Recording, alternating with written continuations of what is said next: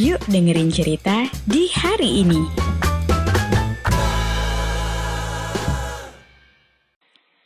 Hai, aku Di. Ini adalah podcast yang aku buat untuk mengeluarkan unek-unek karena aku merasa ada banyak cerita seru yang terjadi ketika aku baru pindah kerja dan aku rasa harus banyak yang dengerin nih. Tapi kalaupun gak, gak ada yang dengerin gak apa-apa sih karena ini emang murni cuma buat keluh kesah aja.